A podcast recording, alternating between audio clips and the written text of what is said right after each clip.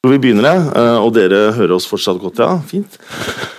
Uh, ja, velkommen til denne kvelden. Jeg holdt på å si jeg er Martin Paulsen. Det er jeg ikke. Uh, Martin Paulsen er den som er ansvarlig for denne serien med kvelder viet uh, russisk tematikk, som så vidt jeg har skjønt er et samarbeidsprosjekt mellom Martin selv, Fritt Ord og Litteraturhus i Bergen.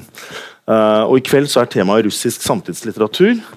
Uh, og jeg har gleden av å, å introdusere Marit Bjerking og Ingunn Lunde. Uh, men bare si at jeg fikk en melding av Martin på toget hit uh, at han er syk og ikke kunne komme. Mitt navn er Christian Kjelstrup, jeg er redaktør for Samtiden. Og vi delvis lanserte Samtiden på den andre siden av gangen her for en time siden med tema Hvite revolusjon. Jeg er her med noen hviterussiske forfattere. Dette er litt komplisert å forklare, men det skal gi en slags mening. Uh, som vi skulle bake inn i Martins arrangement med russisk litteratur. Martin er altså nedsyltet med noe forkjølelse. Han viser dermed at han ikke er en ekte russer, for vi vet jo at russere kurerer og sånt med vodka og honning. Pleier det ikke å være det? Høres du? Ja. Jeg vet ikke. Ja, Du høres nå. Høres jeg? Under fire ja. dyner, og så til man svetter. Ja, men han eh, Ja. Jeg har til og med en venn i, i, Russland som pleier om vinteren, hvis bilen ikke starter, å helle litt vodka på bilen. Og da mener han at den uh, den starter. Men, eh, men, i hvert fall jeg er en slags vikar for, eh, for, Martin. Ikke la dere lure. Det er altså ikke sånn at det er lov sånn som det var med vikar i gamle dager å behandle dem noe dårligere eller putte noe på stolene deres og sånn, men vi skal prøve å, å, holde oss til programmet, eh, som er altså russisk samtidslitteratur og det store bildet hva har skjedd med litteraturen etter Sovjetunionens uh, oppløsning og frem til i dag. Uh, og jeg kan begynne med deg, Marit. Du er altså Marit Bjerking. Du er tidligere dosent ved ja, Høgskolen i Finnmark, daværende. Jeg, jeg har undervist i ja. russisk i 25 år ja. i Finnmark, som jo ligger mye nærmere Russland enn Bergen, som dere vet. og ellers så er jeg skjønnlitterær oversetter, og det har jeg holdt på med siden 1972, faktisk. Utrolig. Men eh, oversatt ikke veldig mye, men en god del bøker. Og i det siste særlig eh, samtidslitteratur. Sånn at jeg har holdt på med russisk i hele mitt voksne liv, tror jeg jeg kan si. Ja. Eh, og du har til og med også bidratt med å oversette ikke bare én, men to tekster uh, i dette samtidsnummeret. Skrevet ja. av uh, nåtidige russiske forfattere. Ja. Og så er det da Ingunn eh, Lunde, som kanskje er kjent for det, noen av dere som eh, lokal. Eh, professor ved Universitetet i Bergen, eh, hvor du meg bekjent har vært ansvarlig for flere internasjonale forskningsprosjekter om utviklingen av russisk språk og litteratur etter Sovjetunionens sammenfall, og skriver nå en bok om russisk samtidslitteratur. Uh, stemmer ikke det, Ingunn? Jo, det stemmer ja. det. Um, jeg har også sittet i den stolen, for en annen gang Martin ble syk, så måtte ja. jeg steppe inn. Ja, Men uh, nå sitter jeg i denne, og det er jo også morsomt. Og Vi skal snakke om samtidslitteraturen, det er helt riktig. Jeg skriver en bok uh, for tiden om historiens rolle i samtidslitteraturen. Fortiden, hvilken rolle den spiller i litteraturen. Da må vi snakke om det. det men jeg må si det er veldig hyggelig å møte dere. Altså, jeg, det er en liten stund siden jeg hadde med Russland å gjøre. Jeg er russisk student, men dere er jo sånne navn som uh, har en viss posisjon på denne himmelen uh, som kalles uh, russisk studier i Norge. Så hyggelig å se dere sånn litt så nei, litt så, som det heter på russisk. ja. I like måte. Ja. Men vi skal altså tegne for dere dette store bildet da, på denne nokså korte tiden vi har til disposisjon. Så Jeg får starte med å spørre deg, Ingunn, rett og slett det store store spørsmålet. Uh, stille deg spørsmålet. Uh, etter at Sovjetunionen uh, falt sammen, hvordan slo det ut på litteraturen? Ja, Det er et interessant spørsmål. Vi kaller det jo gjerne den postsovjetiske litteraturen. Men vi har begynt å spørre oss selv også hvor lenge skal vi snakke om den postsovjetiske litteraturen. Akkurat som vi ikke snak kan snakke om etterkrigstiden i, i mange årtier. Uh, og Det som er interessant å se på da, er jo hva som har skjedd um, like etter Sovjetunionens fall, og kanskje også like før Sovjetunionens fall. Uh, hvordan 90-tallet så ut, hvordan 2000, det første tiåret i 2000-tallet så ut, og hvordan det ser ut i dag. For der er det helt klart skjedd en utvikling. Eh, for det mest dramatiske var nok eh, perestrojka-årene på slutten av 80-tallet. Um, hvor det skjedde mange ting som endret fullstendig vilkårene for litteraturens eksistens. For før perestrojka i Sovjetunionen, hvor det jo også hadde gått eh, litt opp og ned med sensur, og sånt, så hadde man likevel en veldig klar eh, rolle for litteraturen å spille. Man hadde en litterær doktrine som sa hvordan litteraturen skulle se ut. Eh, og selv om det var ikke alle som holdt seg til boken, selv om ikke alle skrev produksjonsromaner og litteratur som viste hvordan samfunnet utviklet seg mot den fulle og hele sosialismen, Eh, selv om det fantes en veldig viktig undergrunnslitteratur, selv om det kom ut ting som bare sirkulerte i illegale kopier, selv om det kom mange ting ut i utlandet som ikke kunne trykkes, så var det um, sterke føringer for hvordan litteraturen skulle skrives og, og leses. Um, og Det som skjedde med i perestrojka-årene, var jo at, um, at, sensuren falt etter hvert. At det ble uh, en åpning for uh, at uh, en masse av den litteraturen som tidligere hadde vært forbudt, kom ut.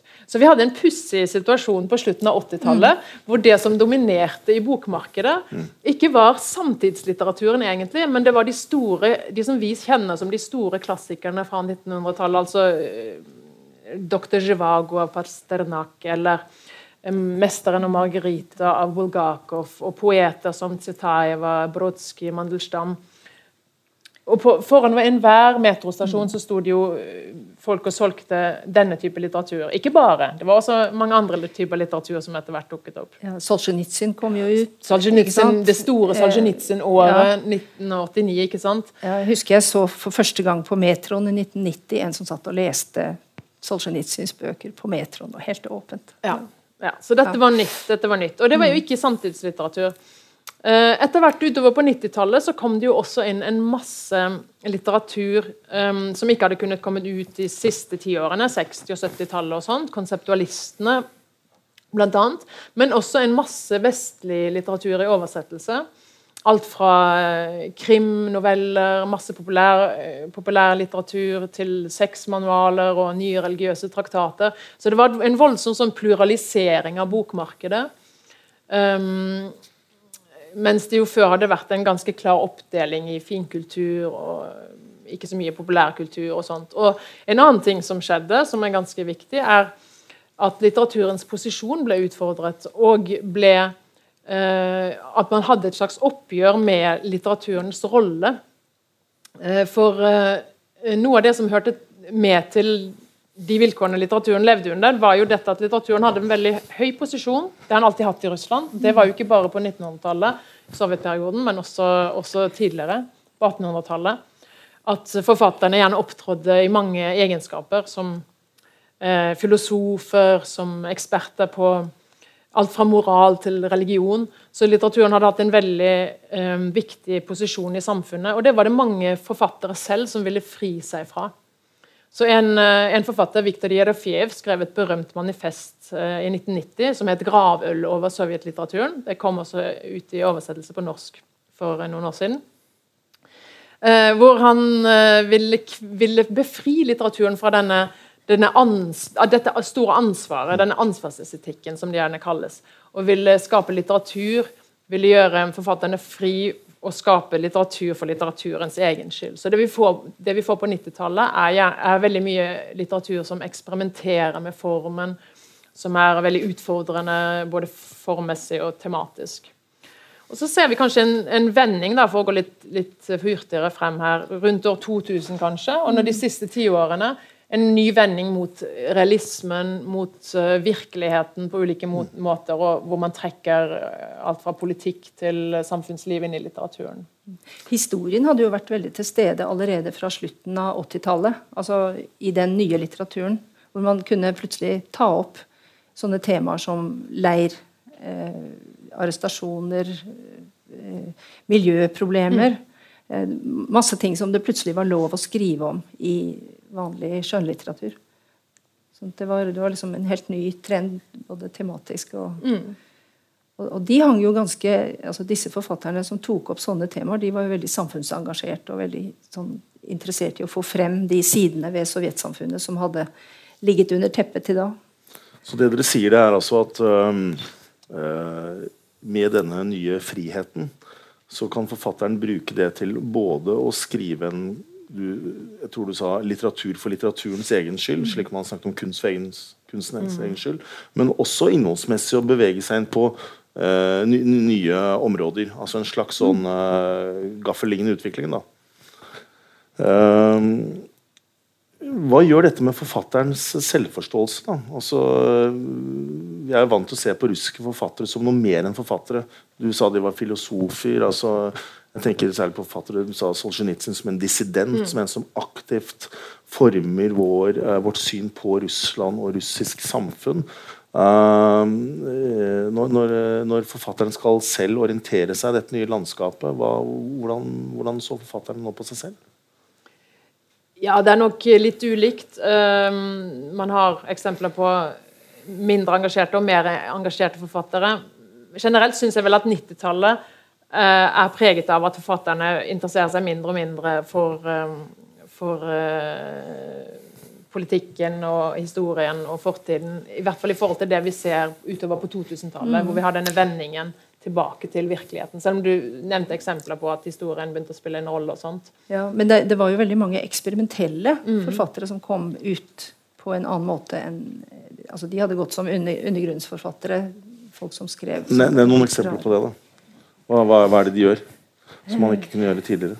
Tulle med språket, tulle med eh, hendelser. Lager sånn altså surrealistiske beskrivelser. Mm, det handler både om tematikk, eh, altså hva som tas opp, hva som tematiseres, men også om språket, som, som Marit er inne på. Mm. Eh, for sensuren gjaldt jo ikke bare eh, hva, hva, man skrev om, men også hvordan man skrev. Så språket i litteraturen har alltid hatt en sånn forbilledlig rolle. Forfatterne har vært eksempler på god språkbruk. og sånt. Mens nå har vi jo kommet til helt i den andre enden. Nå finnes det en lov fra 2014 som forbyr banning i litteraturen mm. hvis litteraturen fremføres offentlig. Så du får lov å lese, du får lov å skrive litteratur som inneholder banneord, men da må du merke det med en liten lapp. Det inneholder usensurert språk. Og så er det ikke lov å lese det opp på en poesifestival, f.eks. Det er et problem som er større for teatrene enn akkurat for litteraturen, men på teatrene merkes det ganske godt, og i, i filmer og sånt. Så litteraturen er nå det eneste området i Russland hvor man ikke banner, da? man banner i litteraturen. Det er bare skrift. Ja. Og, det, det betydde jo mye for, for, oss som oversettere, da. At vi plutselig måtte lære helt, helt nye, nye, ord i massevis. Det blir sånn som eh, professor Egeberg i Tromsø han sa det, at det er sånne ord som man skal kunne, men ikke bruke. Det, det var liksom en, et nytt tilfang. Og det var jo noe som forfatterne kunne plutselig vise virkeligheten. Eh, vise hvordan folk faktisk snakket. Altså, når de brukte banneord og det man kaller stygge ord. Og I Russland så har de jo eh, ganske kreativ og eh, livlig sånn seksuell banning. Så der er det mange ja, det er mange som fikk bakoversveis av å lese. og løftet sine pekefingre. Men, men, du Marit, som, altså fra en oversetters uh, ståsted, hvordan vil du oppsummere uh, utviklingen uh, russisk litteratur har hatt siden Jeg er enig i det du sier da med denne evinnelig lange postperioden, men hvis vi holder oss til det som et utgangspunkt de, de, bøkene som har nådd norsk litteratur, eller Norge, hvilket bilde er det de gir av Russland og russisk litteratur? For det første så er det jo ikke så veldig mange bøker som har nådd Norge av, av, den store, rike litteraturen som har kommet ut etter, eh, etter Sovjetunionens fall og etter perestrojka-perioden, kanskje. Men det, det, den, jeg vil jo si likevel at den er ganske variert. Det er representanter for ganske mange forskjellige jeg vet ikke om jeg skal kalle det leire. Altså Vi har Sarokin, som jo du må si litt mer om, eh, med hans groteske stil, kanskje man kan si. Og så har du eh, realister som Ludmila Olitskaja, som jo er en, en eh, tradisjonell forteller, egentlig, og, og eh, som skriver i den, den realistiske eh, retningen. Så har vi Mikhail Sjisjkin, som er på mange måter en poet og en eksperimentell forfatter på den måten at han eh, han behandler tid og rom veldig, veldig fritt. Og det gjelder jo flere forfattere, dette med tid og rom. Mm. At, at, vi, vi, skal, eh, jeg ja. vi skal gå inn på hver en av disse tre forfatterne. Og, og Lenin sa jo 'Paftarenje matuchenje'. Eh, ikke sant? Mm. Gjentagelse er lærdommens mor, og det må vi holde oss til oss i kveld, for disse navnene er vanskelig fremmede. Ja, eh, men, men, men, før vi går inn på disse forfatterne, altså, hva er det som styrer Uh, hvilke forfattere fra Russland du sa det er ikke nødvendigvis de beste engang, som når uh, norsk bokmarked? Det er jo et veldig godt spørsmål. Det står jo ikke på oss, da. for å si det Nei, sånn. det gjør ikke det. Vi gjør jo vårt beste ja. for å, å, formidle og foreslå, når vi har sjansen, ting som skal uh, oversettes. Og det har jo vært noen, noen, viktige initiativer også fra folk som Peter Normann Våge med flere. Marit var med, jeg var litt med, Martin Paulsen var med på dette som het Petrusjka. Mm. Samarbeid med Cappelen Dam som ga ut uh, tre russiske samtidsbøker, eller tre bøker fra russisk samtidslitteratur i året i tre år. Mm, så det ble ni bøker til sammen? Ja, på um, begynnelsen, midten, midten av 2000, 2010, ja, 11 og 12. Ja. Så det er noen, begynner å bli noen år siden. Um, og det var viktige utgivelser. Um, og vi har jo disse som vi nå nevnte nettopp. Saroken, Vladimir Saroken, altså. Eh, og Ludmila Olitskaja mm. og Mikhail Sjisjkin. Alle disse tre er eh, bra representert eh, på norsk. Ja. Akunin er oversatt krimlitteratur fra sånn à la Sherlock Holmes-historier, kan man kanskje sammenligne det med. Krim, ja. han har mm. skrevet masse, han begynte å skrive krimbøker. Han, han, sa i hvert fall en gang i et intervju at han begynte å skrive krimbøker fordi at kona hans leste så dårlige bøker, så han ville at hun skulle lese litt bedre bøker. Så begynte han å skrive krim. Og de har jo slått an og blitt oversatt til veldig mange språk. Og mange av dem ble oversatt til norsk. Men det Jeg lurer litt på er sånn, jeg jobber i forlag selv ja. uh, til daglig og, og, vet litt om uh, hva som bestemmer hva vi gir ut. Og, mm. og, det er jo også, det har å gjøre med rett og slett det faktum at uh, listen har et Eh, begrenset, eh, den er begrenset av mm, så og så mange titler i året. og Noen skal være nobelprisvinner, og noen skal være bestselgerforfattere. Og veldig mange kommer fra den angloamerikanske eller tyske ja. verden. Og så er det en, noen få plasser man skal fylle opp. Men det jeg også er litt nysgjerrig på, det er hvordan den russiske eh, bokbransjen For det, det var vel ikke mm. snakk om i egentlig forstand en slags bokbransje under kommunismen. hvordan, Hvilken forvandling den har gjennomgått? Ja, den har jo gått gjennom ja. total forvandling, kan man si. På hvilken måte da? Nei, før så var det jo staten som styrte. Jeg husker da jeg studerte at vi satt og krysset av i et sånt Det kom ett i en sånn katalog fra statens eh, forlag hvor alt ble gitt ut, og det var total kontroll på alt. Mens så sluttet den statlige støtten å komme til forlagene. Sånn at det ble masse forskjellige forlag med forskjellige eh, mål og forskjellige ønsker. Og ganske små forlag, mange som ble drevet på ikke amatørbasis, men altså bokbransjen mistet liksom sin økonomiske støtte. Mm. Og de måtte jo da gi ut enkelte ting som ble veldig populære. Og det, det ble nokså sånn fragmentert og pulverisert. Eh, men det eksisterer jo nå mange forlag, og det kommer ut masse bøker. Men de har ikke, eh, de har ikke noe sånne statlige støtteordninger som vi har i Norge. De misunner jo f.eks russiske oversettere, når de hører om våre muligheter til å få stipend og sånn, så himler de med øynene. Um, men um, denne statsstøtten som forsvant, den oppveies vel av det at folk er veldig entusiastiske og veldig står på. Og så får de gitt ut utrolige ting. altså Hvis man går på bokmesse i Moskva Det er jo store bokmesser der. Kjempemesser to ganger i året. Og de, de oversetter alt mulig. De oversetter jo sikkert fire ganger så mye norsk litteratur til russisk som vi oversetter til norsk hvert år. Masse. Lars Saabye Christensen var i Moskva nå nettopp. Mm. Um, sånn at det er et veldig, veldig mangefasettert og rikholdig sånn tilfang av bøker. Det er det. Samtidig, har jo også situasjonen på en måte normalisert seg med hensyn til sjang, dette sjangermangfoldet da, som mm. var, var, så nytt på 90-tallet, og ja. hvor det også til dels var veldig provoserende fordi man hadde hatt den oppdelingen med finkultur og lavkultur og sånt.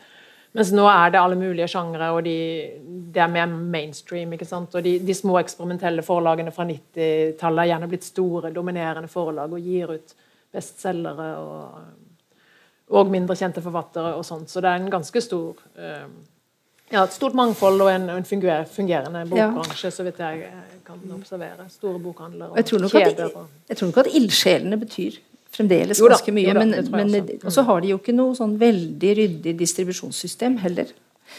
Men, men eh, Jeg var i, i Moskva på, slutt, på starten av 2000-tallet og lagde en dokumentar om russisk samtidslitteratur da for NRK. og Da intervjuet jeg mange forfattere, inkludert en forfatter som heter Nina Sadur. Vet ikke om dere har vært borti henne? Sadur, ja. Sadur, kan jeg si.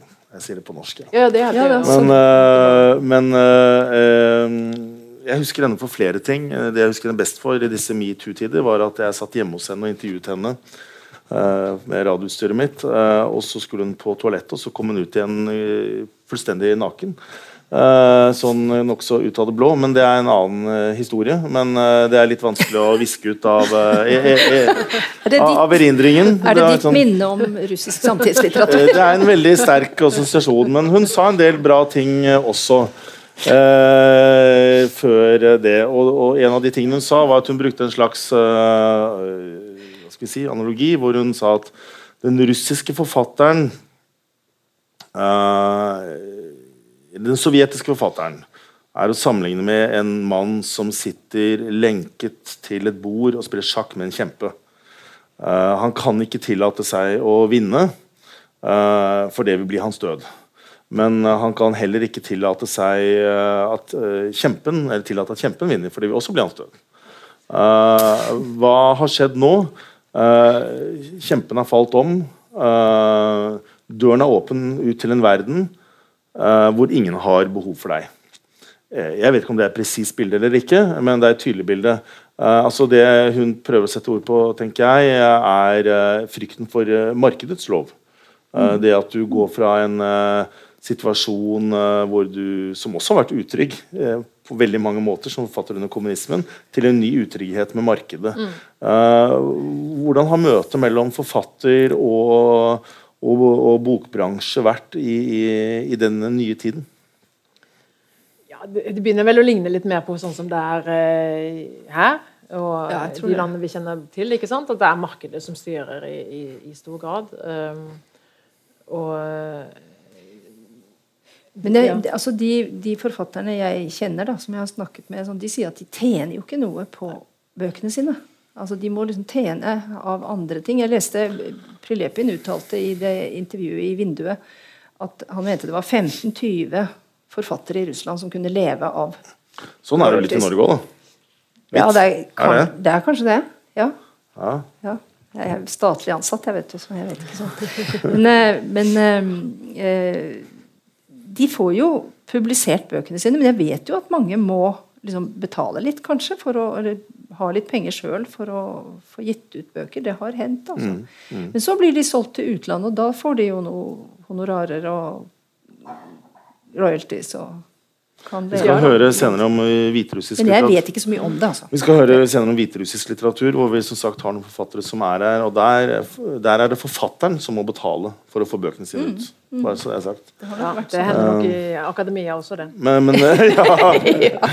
men du, du, du, det vil si at det har liksom, dere sier, dere bruker ordet 'normalisert seg'. De begynner å ligne på, de begynner å ligne på oss. Ja, mer en, en, ting som, en ting som er veldig forskjellig, det er jo at i sovjettiden og fra gammelt av så publiserte man først bøker i tidsskrifter. Gjerne sånn i flere bind, eller flere nummer. Eh, Og så kom det ut bok etterpå. Det gjør de fremdeles. Og de tidsskriftene ligger jo åpent på nettet. Så man kan gå inn og lese en ny roman i tidsskriftversjonen helt gratis. Sånn. Men likevel så selges de. og så ja, Jeg vet ikke nok om det der med økonomien i det. altså. I det, hele tatt, ja, I det hele tatt kan man lese det meste gratis på russisk nett, for Mm. man har et svært avslappet, avslappet forhold til copyright og sånt. Så i sosiale medier så ligger jo alt av eh, tekster og filmer eh, åpent tilgjengelig. Eh, Det er noe så. Men det finnes også veldig flotte litterære nettsteder, som òg er en slags tegn på den nye hva skal man si, nye forfatterrollen. Altså eh, en, en forfatter som er mer eh, i kontakt med samfunnet. Så det er veldig mye nettsteder som eh, har forfattere som har eh, sånne blogger eller, eller masse intervjuer, eller som har egne YouTube-kanaler og, og sånt. Så en, en sterkere presens i mediene og i samfunnet ser vi i dag enn eh, enn det var. Men, men, men er mediene interessert i litteratur, da? Det høres ut som et ledende spørsmål. Det er det litt, fordi jeg tenker altså bare i, i norsk uh, forlagsbransje, siden jeg begynte for ti ti pluss år siden i Aschehoug, så ser vi at altså, eh, selv om litteratur er jeg vil si spiller en vi sitter i Litteraturhuset. En, en, viktig rolle i norsk offentlighet, og forfatteren er rimelig synlig, relativt synlig, mm. så er det klart at altså, antall kulturjournalister har blitt færre med årene, og dekningen er blitt litt dårligere. Mm. Uh, hvordan er det med liksom, anmelderiet, eksempel, i, i, i russiske uh, medier? Du har jo sentrale kritikere som, ja. som uh, anmelder bøker både i avisene og i eh, altså nettsteder og f.eks. Echo Moskvi, altså Moskvas Ekko, mm. radiokanal, hvor det er faste bokprogrammer hele tiden. Sånn at eh, Jeg har inntrykk av at det er ganske levende kritikk. Og, ja da.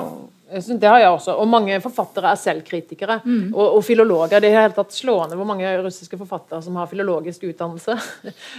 um, men eh, at de også arbeider som kritikere eller som redaktører i, i forskjellige medier og sånt. Men det er jo stor forskjell på medier da. Altså. Og en del av de som jeg tenkte på nå når jeg nevnte det, det var eh, jo nettsteder. ikke sant? Som er da drevet av de som holder på med dette, og ikke, ikke de offisielle mediene. Samme grad. Det spøkes jo nå. Akkurat jeg leste noe i, i en avis eller på et nett, en nettside i forgårs eller når det var, at de, eh, det er noen som foreslår økt kontroll med, også med nettmedier. Staten har jo kontroll med avisene, og så kommer det ut noen aviser som er frittstående. Og du har også nettsteder og en TV-kanal som er frittstående. Alle de stedene så omhandler eh, jo journalistene litteratur. Men det er klart at det, det strammer seg litt. altså det, det, kommer ikke ut til alle.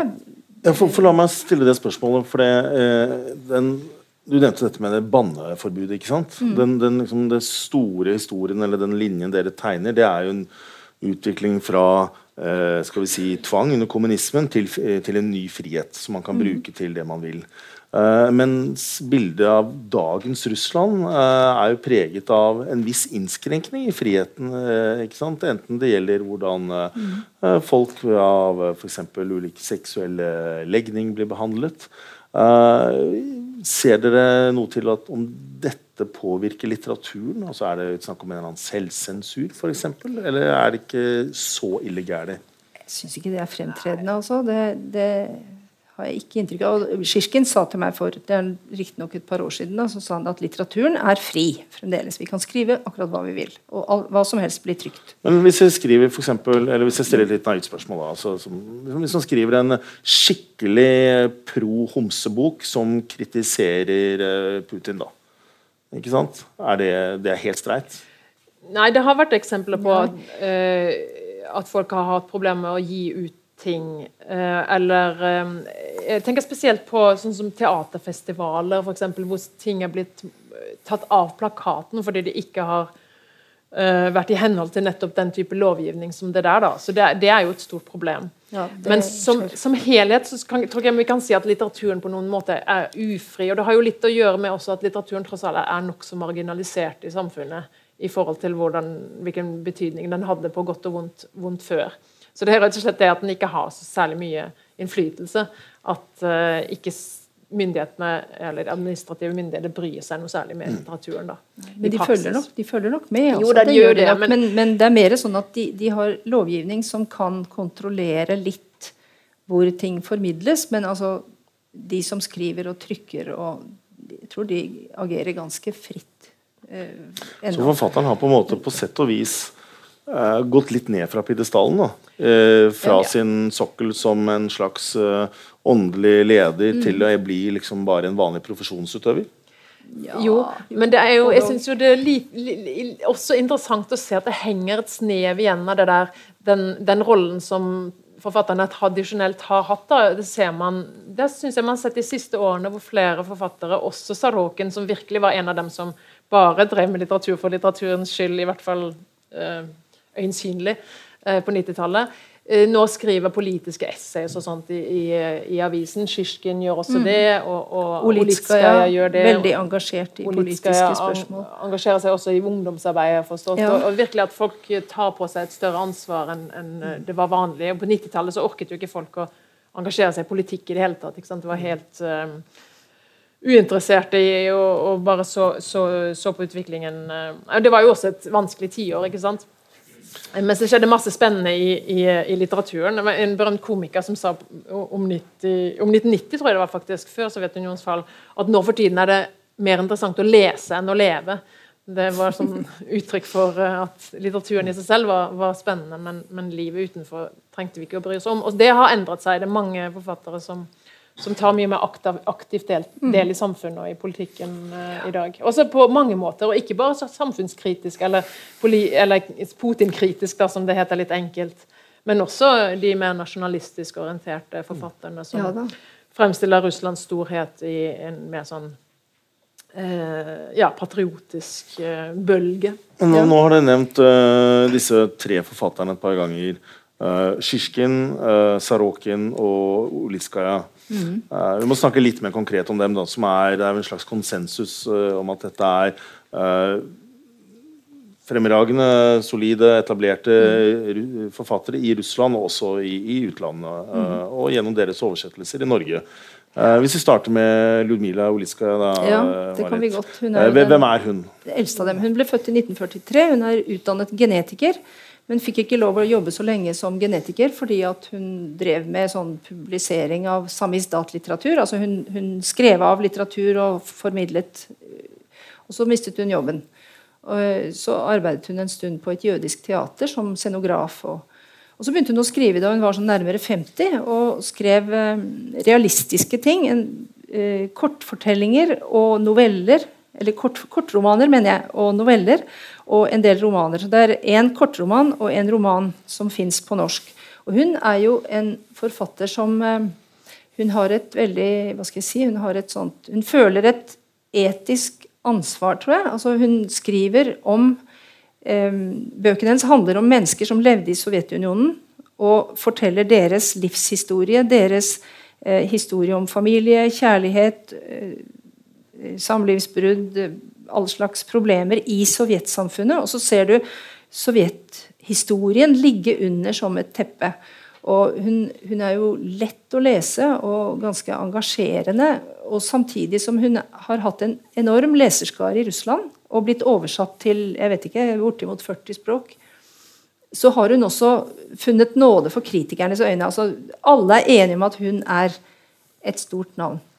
Og sånn du har at, oversatt Jeg har oversatt to bøker av henne. Ja, Hvilke bøker er det? Du må si litt om det. En liten bok som heter 'Sonitsjka', som handler om en beskjeden bibliotekar som sitter i en bibliotekskjeller og leser og leser og leser og leser og leser, og leser, til hun da plutselig blir oppsøkt av en, en jødisk kunstner som kommer innom biblioteket. Han har nettopp sluppet, sluppet tilbake fra forvisning. Og så blir de kjent og, og finner eh, ganske raskt sånn felles interesser. Og så ender det selvfølgelig med Eller det ender ikke med det, men de blir gift. Og så er det deres historie da, i Sovjetunionen. Eh, veldig sjarmerende, og jeg syns det er en veldig sånn fin bok å lese. Og den forteller mye om sovjetsamfunnet. Og disse bøkene, bare for å skyte inn det ja. med en gang, dette er bøker som blant potensielt nysgjerrige lesere kan uh, lånes eller kjøpes ja, ja. Kjøpes her? Kjøpes vet jeg ikke. De, de, står jo stadig utsolgt fra forlaget. Mm. Men, men, de fins på biblioteket. Mm. Og 'Medea og hennes barn' er en litt større anlagt familieroman. Medea er en sykepleier som bor på Krim, i den grad krim er interessant for folk mm. nå. Um, hun har ikke barn selv, men hun har en masse nieser og nevøer, og alle de kommer og besøker henne i hennes store hus på Krim. Og Der er det enormt masse forviklinger og familiehistorier, og samtidig Sovjetunionens historie. Trekk ved den, f.eks. tatarene som ble fordrevet fra Krim, de spiller en rolle i boken.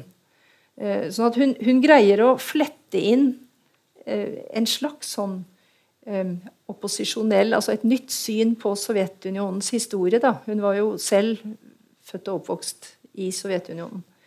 Er det, fortsatt sympatisk, altså. Er det fortsatt et viktig motiv, vil dere si, hos også dagens forfattere? Og, og hva skal jeg si eh, Behandle eh, og, og, reskrive eh, Sovjetunionens eh, historie? Ja, det tror jeg. Ja, ja det syns jeg. Det tror jeg også. Og ikke bare historie, men rett og slett helt bestemte Eh, aspekter ved det totalitære. Eh, altså livsvilkårene eller ondskapen eller represjoner. Eh, på ulike, helt, veldig, veldig, forskjellige måter. Altså, vi har f.eks. en helt ny leirlitteratur. Men vi har òg litteratur som, som mer på mindre konkrete måter bare tematisere vold, f.eks. Og sånne ting. Så det er, det er, noe som toner med i veldig, veldig, mye av det som rett og slett skrives. Ja, altså Sarokins, Sarokins bøker. Ja, Sarokin, hvis vi skal Skal vi hoppe til uh, Sarokin, da? Gjerne. Ja. Vi kan ikke snakke om russisk litteratur uten å snakke litt om Sarokin. da. Uh, Vladimir Sarokin er en av de helt store. Uh, omstridt på mange måter, uh, men veldig, veldig spennende. Født 54, så vidt du husker. Um, utdannet egentlig pet, altså ingeniør. Petroingeniør, heter det vel. Olje. Um, men han begynte som bokillustratør og kunstner. Um, begynte etter hvert å skrive, kunne ikke gi ut noe. Skrev flere romaner på 80-tallet som da kom på 90-tallet. Og Det var den type litteratur som virkelig ville frigjøre seg fra denne ansvarsestetikken. Når han ble anklaget for å ha ekstreme voldsskildringer og obskønt språk i bøkene sine, så svarte han gjerne med at dette er jo bare bokstaver på et papir.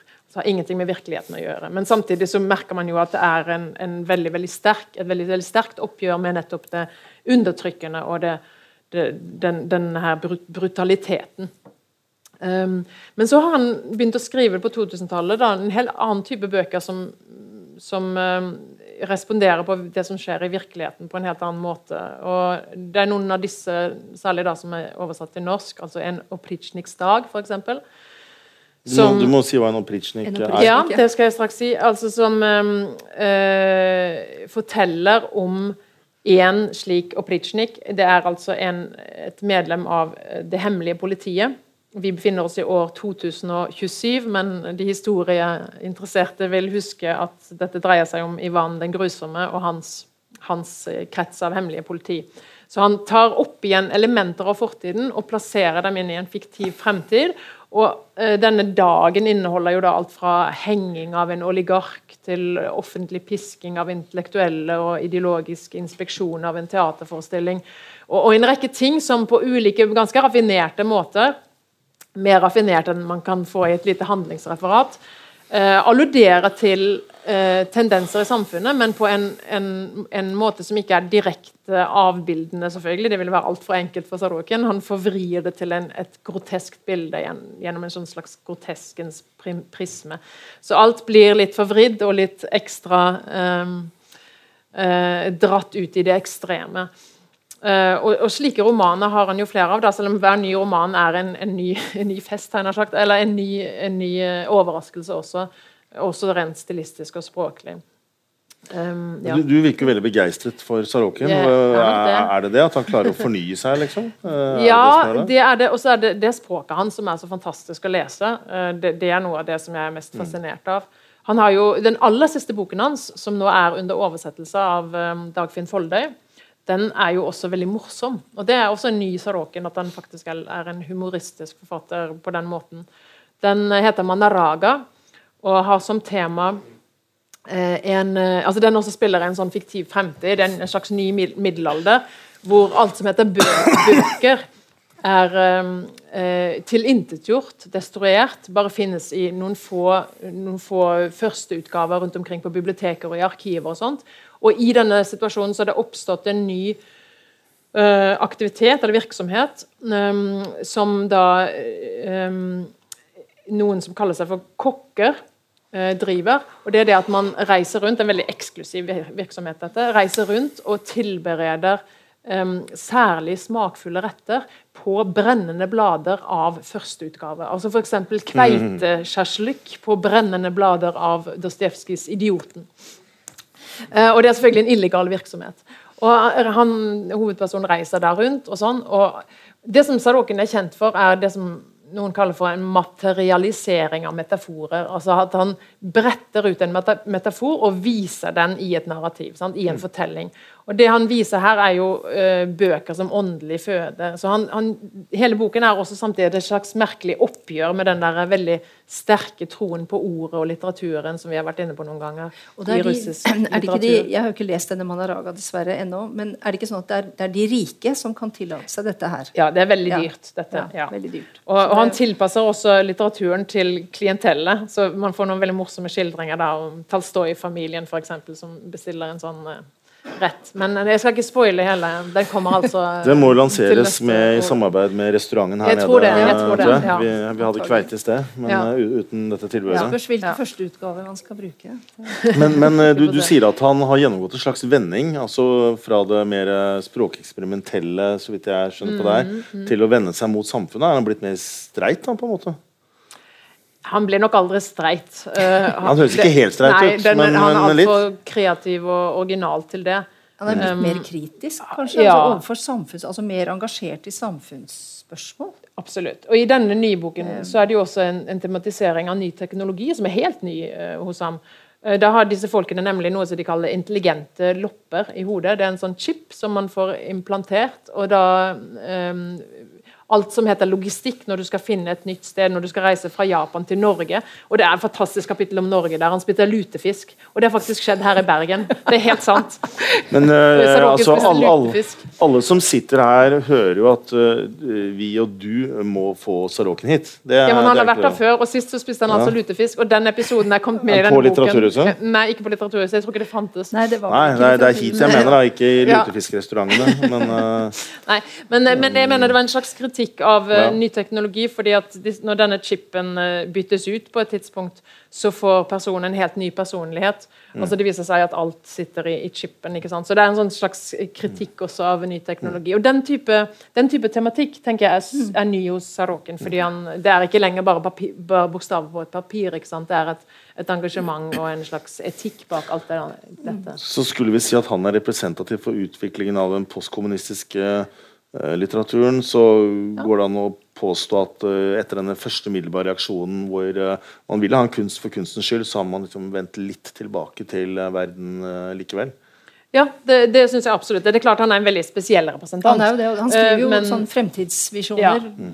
Men, men, han speiler litt nettopp den utviklingen som vi har vært litt inne på her.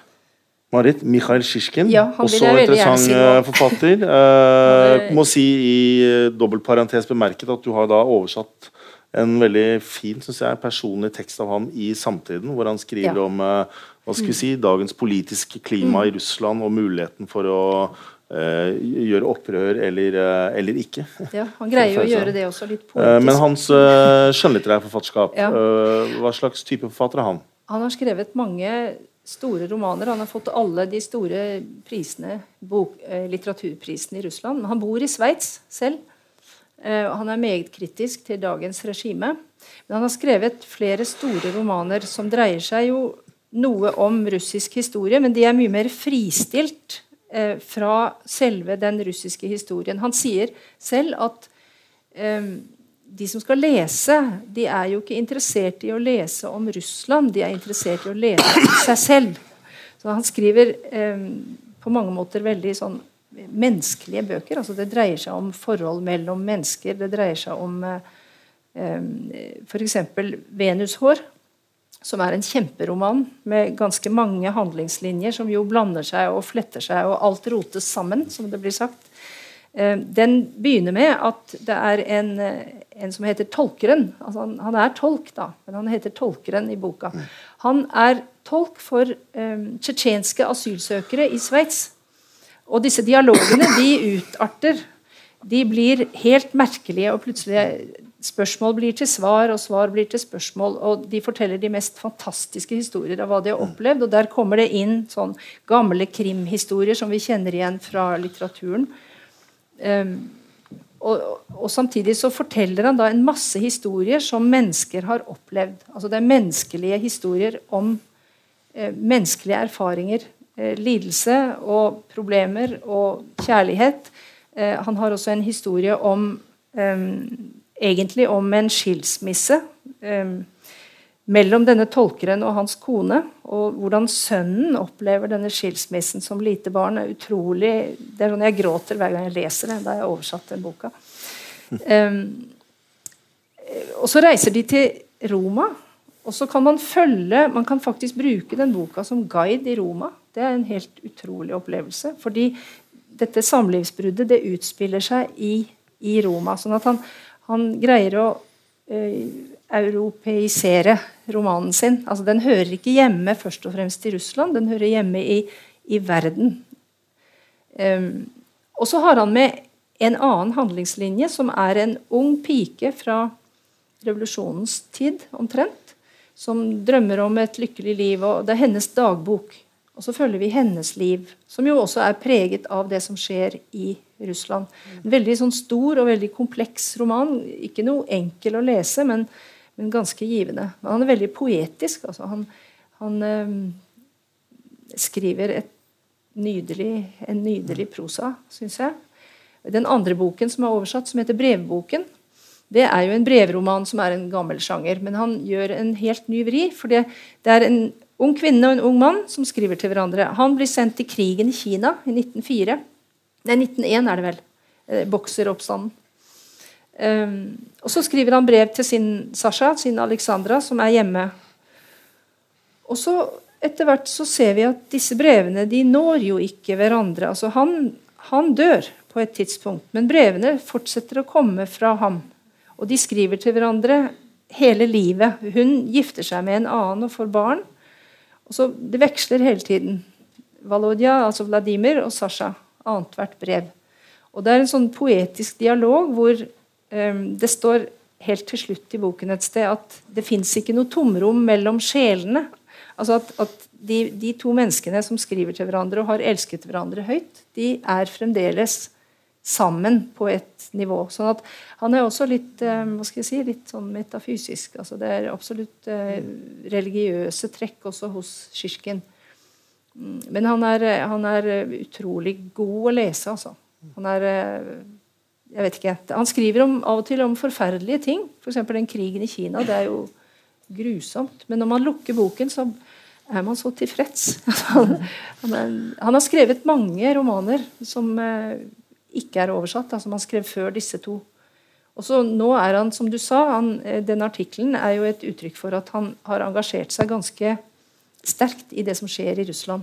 Og er meget kritisk og har skrevet flere kronikker. Jeg har mm. vært så heldig at jeg har fått oversette flere av dem for eh, faktisk et for samtiden eh, for noen år siden.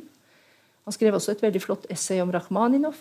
Veldig musikkinteressert. Og, sånn han er en allsidig forfatter. Men dessverre så er det bare to bøker. Jeg går og venter nå på at han skal skrive en ny roman. Jeg håper det kommer. Jeg tror han har en god støttespiller i deg, virker det som. Jeg, vil, ja, jeg prøver ikke mase, da. Det går jo ikke an. Jeg, har jo ikke den posisjonen. Men eh, altså, vi kunne snakket om mange forfattere. Det er mange unge, spennende ja. forfattere på gang i Russland nå. Det er mange fra periferien i Russland. Vi kunne snakket om Svetlana Aleksejevitsj med en slags overgang til uh, det hviterussiske temaet her. For hun er en hviterussisk forfatter som skriver på russisk. Uh, Pelevin var liksom kanskje den store figuren ja. da jeg begynte å orientere meg i postkommunistisk litteratur. Viktor Pelevin har skrevet en bok som heter 'Generasjon P'. Ja.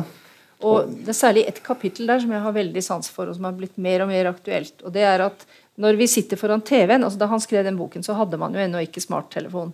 Når man sitter foran TV-en og zapper, han kaller det kapitlet for 'Homo sapiens'.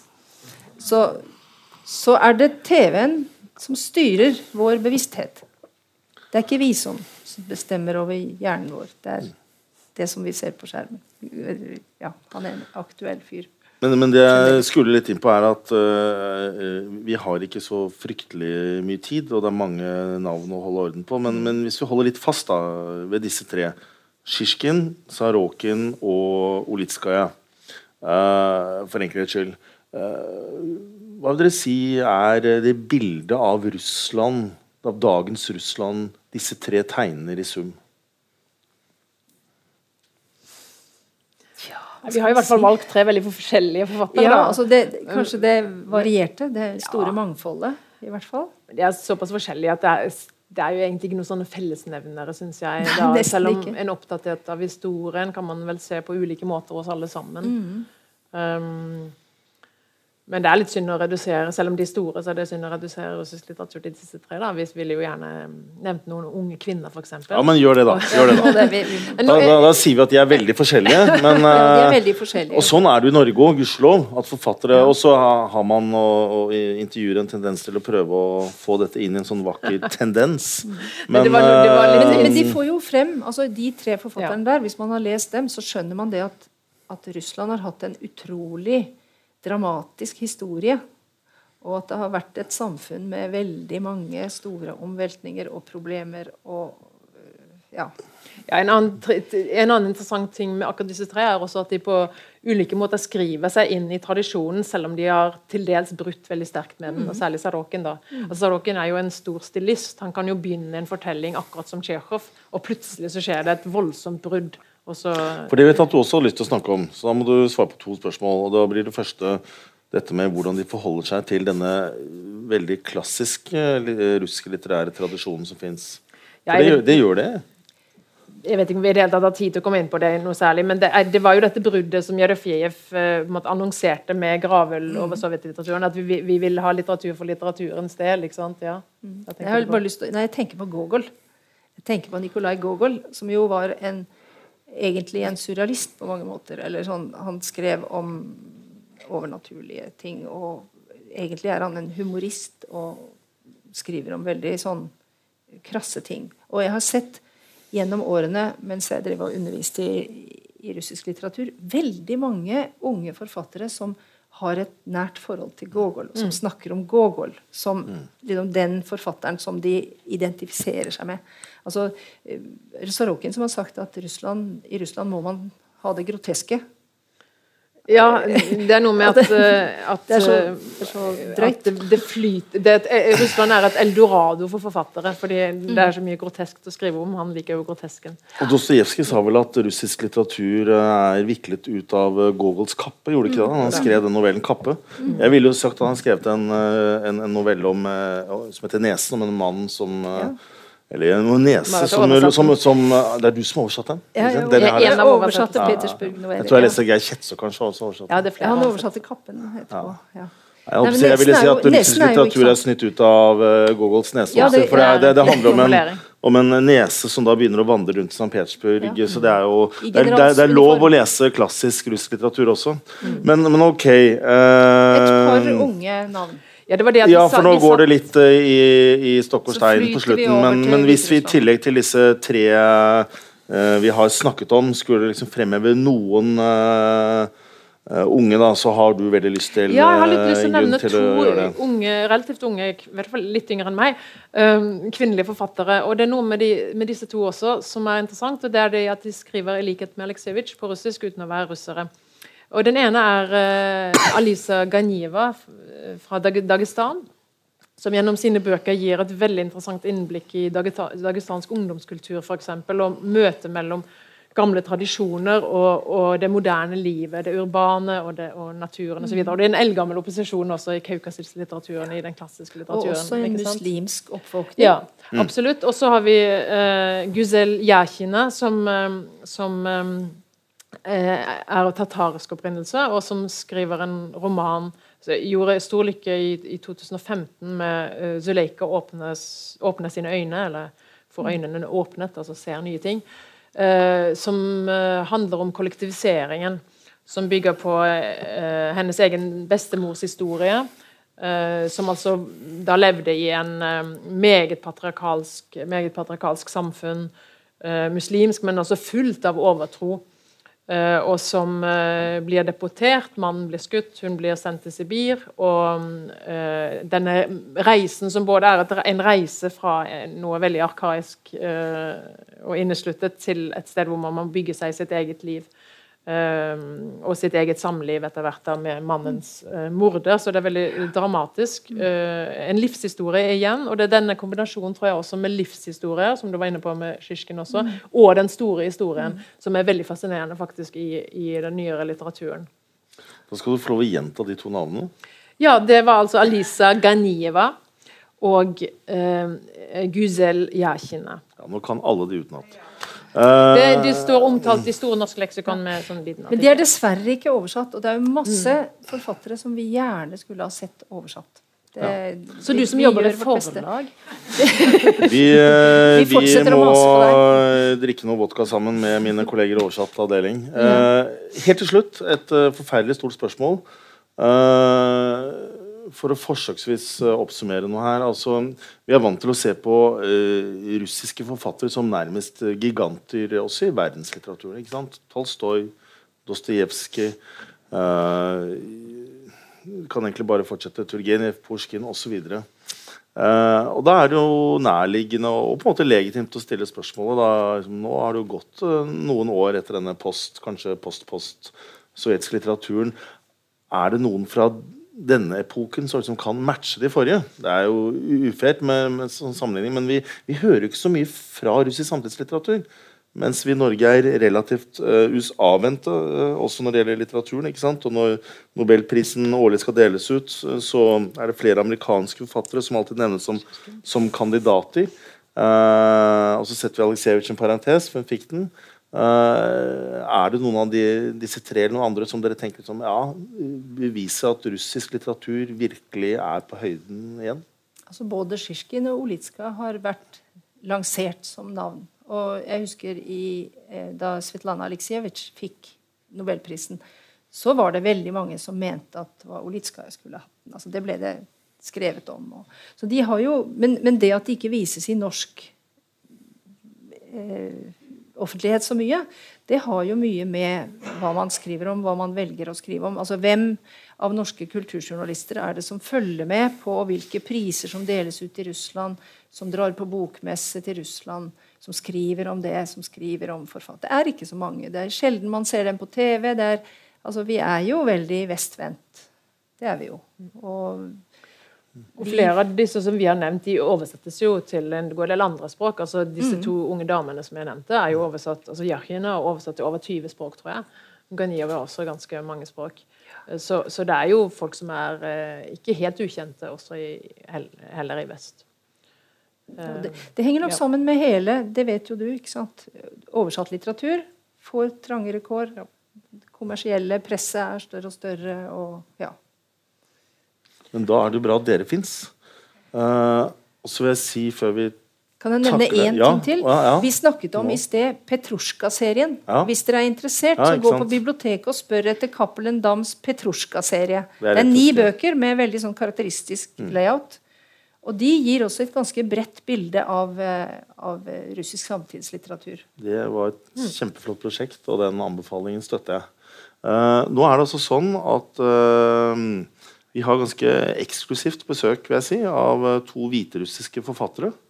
Uh, og det er en litt lang historie hvorfor de er her. Men, og jeg skal dra den etter pause, for jeg tenker å ta en kort pause. Men jeg vil bare si sånn i all korthet at Eh, jeg selv var i Hviterussland for godt vel en måned siden og lanserte en eh, slags eh, antologi, eller tidsskriftnummer, med tolv utdrag fra tolv norske forfattere oversatt til hviterussisk. For mens norske forfattere, det nevnte Saabye Christensen og disse bokmessene og sånn, er godt til stede på mm. russisk. Og Erlend Lo er liksom en helt i Russland. Mm. Så er det overhodet ikke tilfellet i Hviterussland, hvor det ikke finnes sånne messer. Og, og, og, de første bøkene fra norsk ble oversatt bare for noen år siden. Eh, to av de forfatterne som ble oversatt, eh, er også her. Thomas Espedal og Gunhild Øyehaug. Og skal lese utdrag fra verkene til Eh, mine to venner Julia og Alkerd. Vi prøver å gjøre det litt kortere siden uh, kvelden allerede er uh, halve lang. eller hva den er, Men skal vi strekke litt på beina, og så tenker jeg at vi møtes her kvart over åtte nøyaktig. Og så må jeg si tusen takk til, til Ingunn Lunde og Marit Bjerkeng. glede å møte dere. Og les for all del disse bøkene de har jobbet med. Tusen takk. Takk for at Takk for oss.